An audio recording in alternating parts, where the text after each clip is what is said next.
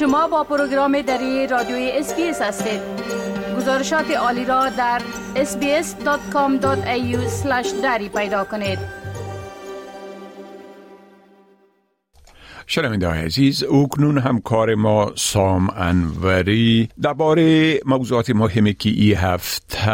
روی داده و در وبسایت ما هم انعکاس یافته صحبت می‌کنن در صفحه اینترنتی SBS به زبان دری با آدرس sbs.com.au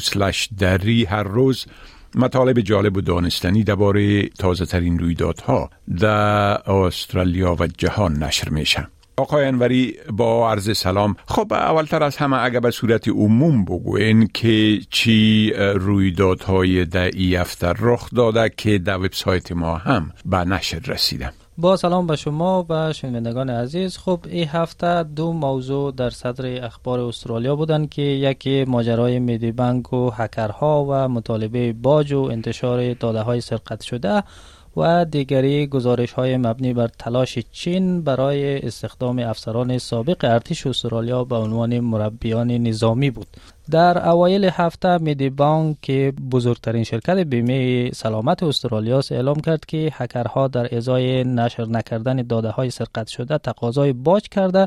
ولی شرکت به این تقاضا پاسخ رد داده و روز بعدش هکرها شروع به انتشار قسمت های از این داده ها کردند که بعدا با تفصیل در موردش صحبت خواهیم کرد. همچنین در گرماگرم صحبت ها در مورد امنیت سایبری و مبارزه با جرایم سایبری اداره ارتباطات و رسانه استرالیا یا اکما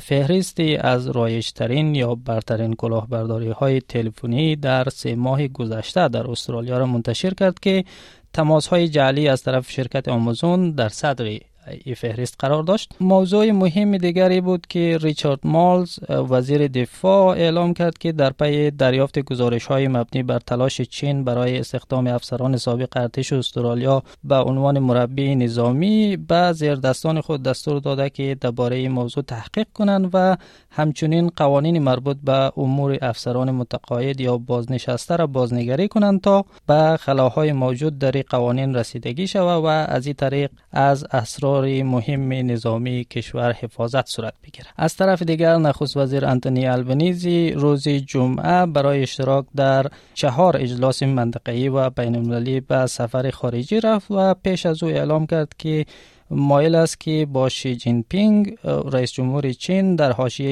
یکی از دو نشست بین در اندونزیا یا تایلند دیدار و گفتگو کند. گزارش دیگری در مورد یک کنسرت مشترک گروه موسیقی فرید سمیت دیپلمات و آوازخان استرالیایی و یک گروه موسیقی متعلق به هنرمندان افغان استرالیایی داشتیم که شام روز پنجشنبه با حضور صدها نفر در ملبورن برگزار شد. بله خب این جنجال میدی بانک و هکرها هنوز هم ادامه داره و شما با او اشاره کردین که مطالب را ما در وبسایت خود در این مورد نشر کردیم. اگر یک مقدار در این باره تفصیلات بتین و بگوین که تازه ها در این مورد چیست. بله همانطوری که قبلا اشاره کردم شرکت بیمه سلامت میدی بانک روز دوشنبه هفته اعلام کرد که هکرها به هکرها باج پرداخت نمی می‌کنه که در پی آن گروه هکری مزنون به انجام حمله سایبری به این شرکت در وب تاریک اعلام کرد که اگر میدی بانک باج نته طی 24 ساعت دست به انتشار داده های سرقت شده خواهد زد و این کار را هم کرد. این هکرها در ساعات اولیه روز چهارشنبه نخستین مجموعه از داده های سرقت شده مشتریان را که شامل نام و آدرس و تاریخ تولد و جزئیات مدیکر می‌شد تحت عناوین لیست خوب و لیست شریر در بلاگ خود در وب تاریک منتشر کردند و وعده دادند که اگر به خواستشان نرسند به نشر جزئی ای داده ها ادامه میتن روز بعدش گروه هکری ضمن پخش معلومات حساستری تحت عنوان سقط جنین افشا کردند که در ازای هر یک از 9.7 میلیون مشتری یک دلار آمریکایی که برابر است با یک دلار و 60 سنت دلار استرالیایی از میدی بانک به عنوان باج تقاضا کرده بودند. انتشار معلومات حساس مربوط به زنان با واکنش تند مقامات کشور مواجه شد و کلر اونیل وزیر امور داخله به هکرها هشدار داد که باهوشترین و سرسختترین افراد استرالیا به دنبال آنها هستند. هکرها در ساعات اولیه روز جمعه ضمن انتشار یک فایل دیگر تحت عنوان بوزی که به معنای مست یا مستان است به هشدار خانم اونیل واکنش نشان دادند و گفتند که به قول خود عمل می‌کنند چون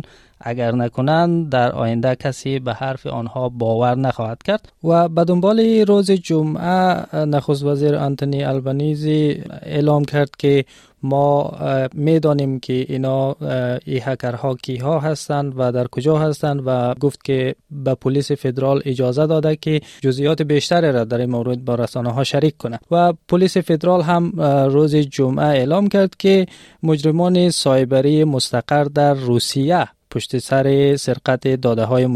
مشتریان میدی بانک بودند ریس کرشاو کمیسر پلیس فدرال استرالیا یا AFP بعد از ظهر روز جمعه در یک نشست خبری کوتاه در کانبرا به رسانه ها گفت که آنها با کمک همکاران بین المللی خود افراد این گروه را شناسایی کرده اما نمی‌خواهد که از اونا نام بگیره. آقای کرشاو گفت که پلیس بین الملل یا انترپول در تحقیقات با آنها همکاری می‌کنه و از این طریق با مقامات روسی در حال گفتگو هستند. و آقای کرشو همچنین گفت که این گروه عامل چندین حمله سایبری بزرگ در سایر نقاط جهان بوده و مانند یک شرکت تجاری عمل می‌کنه. او گفت که پلیس استرالیا و شرکای بین المللیش از کشاندن مسئولان این حمله به پای عدالت دست نخواهند کشید. تا فعلا که ماجرا به همینجا رسیده و بدون شک که در روزهای آینده شاخ و برگ بیشتری پیدا خواهد کرد. بله خب درباره کنسرت دسته گنجشک های کابل و همکاری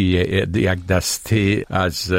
هنرمندان افغان تحت عنوان پرنده های کابل گفتین. میشه که در باره یک مقدار توضیحات بتین بله کنسرتی که البته ما و شما هم افتخار اشتراک در او را داشتیم شام روز پنجشنبه زیر نام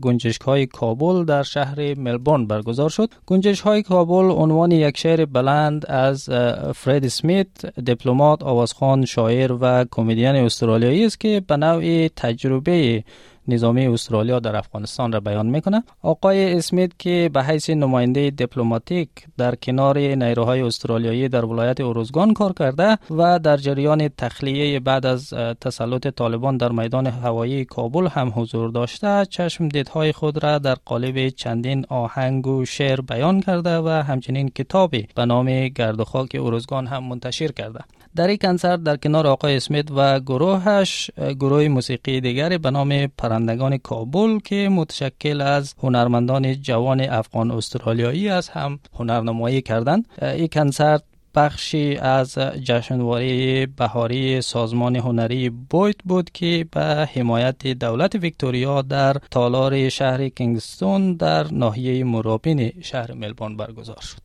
بله خب بسیار تشکر آقای انوری از این معلوماتتان و فعلا شما را به خدا می سپارم روزتان خوش تشکر از شما خدا نگهدار می خواهید این گونه گزارش ها را بیشتر بشنوید؟ با این گزارشات از طریق Apple Podcast، Google Podcast، Spotify و یا هر جایی که پادکاستتان را می گیرید گوش دهید.